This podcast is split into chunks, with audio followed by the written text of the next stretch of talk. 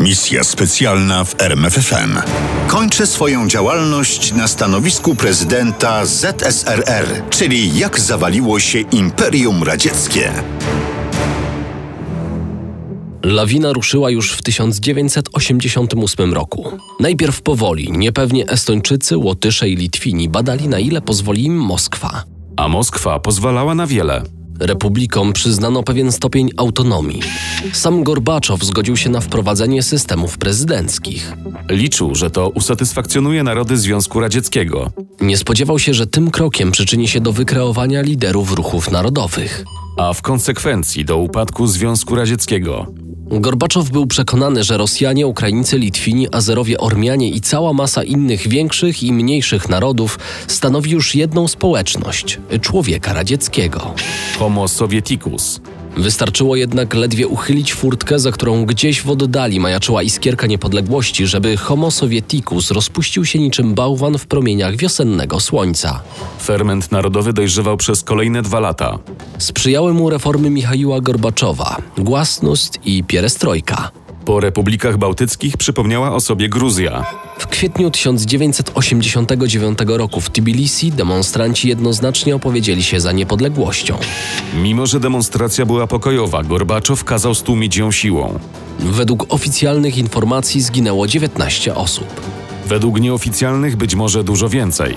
To brutalne postępowanie Moskwy wywołało efekt odwrotny od zamierzonego, W Gruzji nastroje antyradzieckie wybuchły ze wzmożoną siłą. na co Moskwa odpowiedziała rozpaleniem dwóch nowych konfliktów etnicznych w Osetii Południowej i Abchazji. Cały Kaukaz, nie tylko Gruzja, wmanewrował się w wojnę domową. Przytłumiona przez 70 lat nienawiść między Ormianami i Azerami eksplodowała zamieszkami na tle etnicznym w Górskim Karabachu i w Baku. W końcu sprawy zaszły za daleko i Gorbaczow postanowił wprowadzić do akcji wojsko, co wcale nie uspokoiło sytuacji. Tymczasem wiosną 90 roku płomień niepokojów ponownie rozpalił się na zachodzie imperium. Litwa, Łotwa i Estonia ogłosiły niepodległość. Na reakcję Moskwy nie trzeba było długo czekać. W takim razie obłożymy Wilno sankcjami gospodarczymi i żeby mi nawet nikt nie wspominał o wycofaniu wojsk z Litwy. Nikt nie wspomniał. A ponieważ Litwini nieśmiało zaczęli wysyłać taki pomysł, Gorbaczow stwierdził Zostawimy tam żołnierzy w celu zabezpieczenia praw etnicznych Rosjan. i powinien dodać interesów Związku Radzieckiego. W styczniu 1991 do Wilna ruszyły jednostki milicji OMONu. Zanosiło się na powtórzenie scenariusza gruzińskiego, czyli krwawe stłumienie demonstracji. Zdeterminowani Litwini zaczęli gromadzić się wokół głównych budynków strategicznych Rady Najwyższej, Komitetu Radia i Telewizji. Wileńskiej Wieży Telewizyjnej, Po północy już 13 stycznia w niedzielę pod wieżę telewizyjną podjechały czołgi i bojowe wozy piechoty. Najpierw żołnierze Armii Radzieckiej strzelali ślepymi nabojami. Ale kiedy o godzinie 1.50 po północy przeładowali broń, w magazynkach była już ostra amunicja. Strzelali nad głowami, a potem w ludzi. Wreszcie czołgi ruszyły w kierunku tłumu. Zginęło 14 osób. Tydzień później podobne wypadki miały miejsce w Rydze, za to w Talinie podobny scenariusz nie udał się. Litwa, Łotwa i Estonia de facto odłączyły się od Związku Radzieckiego. W marcu tracący poparcie w społeczeństwie Gorbaczow postanowił przeprowadzić referendum. Zapytano narody radzieckie, czy życzą sobie utrzymania państwa. 76% odpowiedziało tak. Wynik byłby może wiarygodny, gdyby nie fakt, że referendum nie przeprowadzono na terenie republik nadbałtyckich oraz w Gruzji, Mołdawii i Armenii. Tam już zdecydowano się na drogę ku niepodległości, wbrew decyzjom Moskwy. zarówno w gronie partii KPZR, jak i między Gorbaczowem a zdobywającym coraz większą popularność Borysem Jelcynem. I mimo, że Gorbaczow na podstawie kilku decyzji zyskał niemal dyktatorską władzę, to w obliczu wzrostu znaczenia Jelcyna nie miała ona już jakiejkolwiek mocy. W czerwcu w wyborach prezydenckich w Socjalistycznej Republice Rosyjskiej zdecydowanie wygrał Jelcyn, pokonując kandydata popieranego przez Gorbaczowa. Zaraz po wyborach Jelcyn ogłosił niepodległość Rosji. To był niebywały krok, który odbił się echem w kabaretach polskich. Naśmiewano się z Rosji, która ogłosiła niepodległość od krajów, które podbiła w poprzednich stuleciach. Po zwycięstwie Jelcyn uznał, że przyszedł czas na bezpośrednie starcie z Gorbaczowem. Żądał od prezydenta Związku Radzieckiego zgody na niepodległość republik. Przychylę się do waszej prośby, Borisie Nikołajewiczu, ale muszę postawić kilka warunków. No to słucham. Suwerenność tak, ale tylko w ramach wspólnego systemu gospodarczego. To raz. Wspólnej polityki zagranicznej to dwa i jednej armii to trzy. Jelcyn nie mógł się nie zgodzić, tym bardziej, że ustalono datę wejścia w życie tych postanowień na 20 sierpnia 91 roku. Ale już wkrótce się okazało, że Jelcyn na tym nie poprzestał. Myślę, że nasze decyzje, Michale Siergiejewiczu, mogą być nie do zaakceptowania przez grupę twardych komunistów. Jelcyn mówił o generale KGB Kriuczkowie i ministrze obrony narodowej Dmitriju Jazowie. Dodał do tego grona jeszcze premiera ZSRR Walentina Pawłowa i wiceprezydenta Giennadija Janajewa.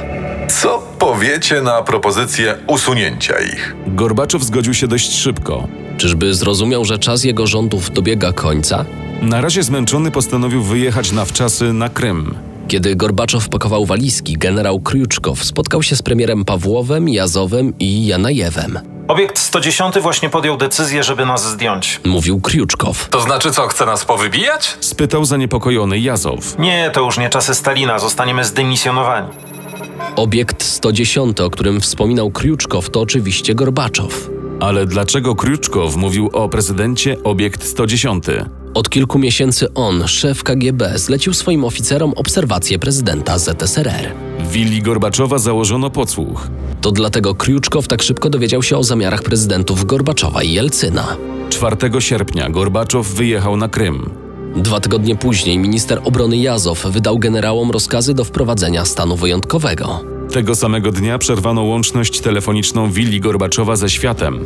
A do drzwi zapukał wiceminister obrony generał Warynnikow w towarzystwie polityków z Komitetu Centralnego Komunistycznej Partii Związku Radzieckiego i oficerów KGB. Przyszliśmy tu jako przyjaciele. Mówił Warennikow. Sytuacja jest niepokojąca. Proponujemy wprowadzenie stanu wyjątkowego, który pozwoli przejąć kontrolę nad krajem i uspokoić napięcia społeczne. Nie zgadzam się na takie rozwiązanie. W takim razie, Michaile Siergiejewiczu, będziecie musieli ustąpić. Niech cię cholera. Rób co chcesz, ale pamiętaj, nie zgadzam się. Ale Gorbaczow wcale nie miał zamiaru ustąpić. Oskarżał Warennikowa o działanie wbrew prawu, groził konsekwencjami. Nikt jednak nie brał na poważnie tych groźb. A żeby pokazać, kto tu rządzi, wokół willi rozstawiono żołnierzy KGB. W tym czasie w Moskwie władzę w kraju przejął Państwowy Komitet Stanu Wyjątkowego z Janajewem na czele. Wiceprezydenta ZSRR Janajewa potrzebował Kriuczkow i Jazow, aby uzasadnić przed światem przejęcie władzy. 19 sierpnia rano Rosjanie usłyszeli w telewizji najnowsze informacje. W związku ze złym stanem zdrowia Michaiła Gorbaczowa obowiązki prezydenta przejął Giennadij Janajew. Na terenie całego kraju wprowadzono stan wyjątkowy. Od godziny 23 obowiązywała godzina milicyjna. Do Moskwy weszły dwie dywizje: pancerna, kantemirowska i zmechanizowana tamańska. Kriuczkow i Jazow byli przekonani, że to wystarczy do przejęcia władzy i uratowania Związku Radzieckiego przed upadkiem. Nie docenili Rosjan. Kiedy wojsko opanowało najważniejsze obiekty w mieście, na ulice wyszły tłumy Moskwian. Obywatele ruszyli pod Biały Dom. Tak nazywano budynek parlamentu republiki. Wokół budynku rozpoczęto budowę barykad, zanosiło się na krwawą bitwę na ulicach miast. Tymczasem Jelcyn zbierał wokół siebie zwolenników, polityków oraz oficerów wojska i milicji. Nie był sam, znał swoją siłę, siłę polityka. Przy pomocy radia Echo Moskwy wygłosił apel do obywateli Rosji, w którym dał do zrozumienia, że Komitet Kryzysowy Janajewa działa bezprawnie. Ogłaszam niezgodnymi z prawem wszystkie postanowienia i rozporządzenia tego komitetu. W odpowiedzi Jazow postawił wojsko na terenie całego kraju w stan podwyższonej gotowości bojowej. Dywizje dostały rozkaz marszu na Moskwę. A w Moskwie Jelcyn zyskał nowego sojusznika. Generał Paweł Graczow, który z rozkazu Jazowa dowodził operacją w Moskwie, nawiązał kontakt z Jelcynem. W ten sposób dał do zrozumienia, że nie ma zamiaru siłą rozpędzać tłumu pod Białym Domem. Obietnicę podparł czynem. Posłał Jelcynowi jako wsparcie batalion spadochroniarzy i czołgi. Decyzja Graczowa, jakkolwiek ważna, a kto wie czy niedecydująca, nie była jednak niczym wyjątkowym. Mimo rozkazu ministra Jazowa, generałowie nie garnęli się, by przystąpić do spisku. Wreszcie dowódca grupy specnazu Alfa odmówił szturmu na Biały Dom. Po dwóch dniach napięcia spiskowcy zdali sobie sprawę, że przegrali, Jeżeli umiało się napaskudzić, to trzeba umieć ponieść konsekwencje. powiedział Jazow. O godzinie 3 nad ranem 21 sierpnia 91 roku generał Kruczkow zatelefonował do Jelcyna. Wygraliście, Borysie Nikołajewiczu. W południe rozpoczynamy wycofywać dywizję za stolicę. O całej tej tragifarsie, którą historia nazwała puczem Janajewa, Gorbaczow powiedział. Gdyby pucz zorganizowano półtora roku, dwa lata wcześniej, przypuszczalnie mógłby zakończyć się sukcesem. Teraz jednak społeczeństwo jest już kompletnie zmienione. Zanim skończył się sierpień, rozwiązano KPZR, Komunistyczną Partię Związku Radzieckiego. Gorbaczow utracił prerogatywy władzy. Od lata 1991 roku praktycznie samowładcą w Rosji został Borys Jelcyn. Swoją moc pokazał cztery miesiące później w grudniu. To wówczas zadał Związkowi Radzieckiemu cios łaski. Ale nie on był inicjatorem spotkania, które zakończyło historię Czerwonego Imperium. Chodziło o osobiste spotkanie z Jelcynem z pominięciem Gorbaczowa. Wspominał Stanisław Szuszkiewicz, szef parlamentu Białorusi. W październiku w Moskwie zaprosiłem Jelcyna na polowanie do Puszczy Białowieskiej. Chodziło o ropę i gaz. Zgodził się chętnie. Ktoś z tej dwójki, być może Jelcyn, a być może Szuszkiewicz, uznał, że wypada na polowanie zaprosić również Ukraińca Kuczmę. Nie chcieliśmy, żeby odniósł wrażenie, że ustalenia w sprawie surowców odbywają się kosztem Ukrainy. Mówił Jelcyn.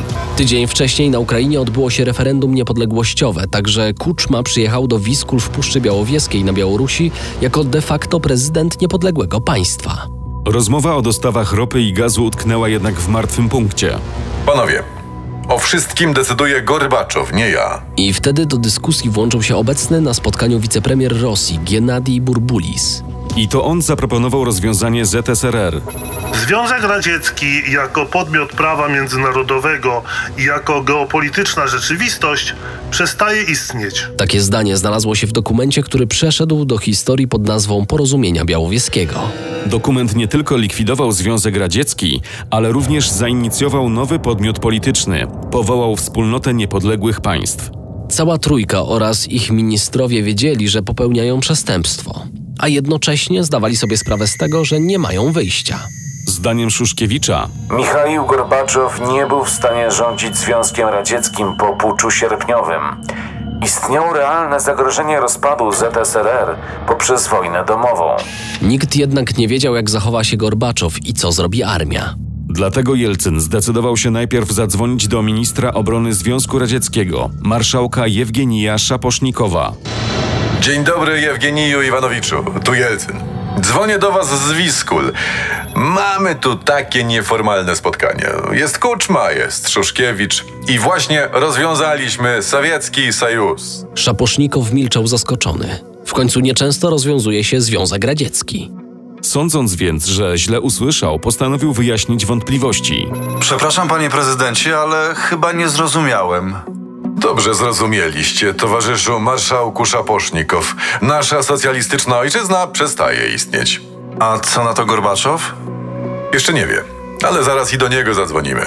Do was, Jewgeniju Iwanowiczu, mam specjalną prośbę. Oczywiście zdajecie sobie sprawę, że nasza inicjatywa jest niewiele warta, jeżeli armia stanie po stronie Gorbaczowa, czyli przeciw nam. A kto, jeśli nie wy, ministrze obrony, potrafi wpłynąć na generałów? Czego ode mnie chcecie? Zapytał marszałek, któremu nagle przeszło przez myśl, że Jelcyn zaraz każe mu stawić dywizję pod bronią i ruszać na Kreml. Jelcyn wyczuł niepokój w głosie Szaposznikowa, postanowił więc go uspokoić. Nie obawiajcie się, marszałku, nie każemy wam zdobywać Moskwy i łapać Gorbaczowa. Chcemy tylko, abyście trzymali wojsko z dala od naszych politycznych spraw. Tak, rozumiem. Postaram się utrzymać armię w ryzach. Ale to nie Jelcyn zadzwonił do Gorbaczowa. Tę trudną rozmowę zamierzał przeprowadzić Szuszkiewicz. Kiedy Gorbaczow dowiedział się, że Jelcyn, Szuszkiewicz i Kuczma zamierzają rozwiązać państwo, którym rządzi, nie krył oburzenia. Nie bardzo wiedział, co powiedzieć. W końcu stwierdził bez przekonania: Świat nie zaakceptuje waszego rozwiązania. Mylicie się. Jelcyn rozmawiał właśnie z prezydentem Bushem, który nad wyraz spokojnie przyjął wiadomość o upadku Związku Radzieckiego. Gorbaczow nadal nie zamierzał biernie poddać się decyzji trójcy niepokornych polityków. Zdajecie sobie zapewne sprawę z faktu, że działacie nielegalnie? Myślę, że czeka nas długa rozmowa. Zapraszam do mnie na Kreml, tylko bez żadnych wykrętów. Lecz ani Szuszkiewicz, ani Kuczma nie wybierali się w podróż do Moskwy. Obaj wrócili do siebie. Najpierw parlament ukraiński, a później białoruski ratyfikowały umowę białowieską. W Mińsku tylko jeden poseł zagłosował przeciw rozpadowi Związku Radzieckiego. Nie miałoby sensu o tym mówić, gdyby nie nazwisko posła. Nazywał się Aleksander Łukaszenko. Natomiast Jelcyn zdecydował się zapukać do gabinetu Gorbaczowa na Kremlu, ale nie po to, aby go przeprosić za samowolne decyzje. Obaj Jelcyn i Gorbaczow znali już wynik głosowania deputowanych rosyjskich, którzy zgodnie opowiedzieli się za rozwiązaniem Związku Radzieckiego i przystąpieniem do wspólnoty niepodległych państw. Przyszedłem do was, Michaile Sergiejewiczu, aby porozmawiać o waszym ustąpieniu. Czas Gorbaczowa dobiegał końca. Ustąpił 25 grudnia 1991 roku. Wieczorem na antenie ogólnopaństwowej telewizji pożegnał się z obywatelami 11-minutowym przemówieniem, którego najważniejsze zdania padły na samym początku. Drodzy rodacy, współobywatele, ze względu na obecną sytuację z powstaniem Wspólnoty Niepodległych Państw kończę działalność na urzędzie prezydenta ZSRR. Kwadrans później z masztu sterczącego na dachu wieży Kremla ściągnięto czerwoną flagę Związku Radzieckiego. A chwilę później nad Kremlem załopotała biało-niebiesko-czerwona flaga Rosji. Jelcyn zapanował nad całą Rosją i nad KGB. To było ważne, bo jak pokazała historia, kto ma po swojej stronie KGB, ten rządzi krajem. Misja specjalna w RMFFM. Na tropie największych tajemnic historii.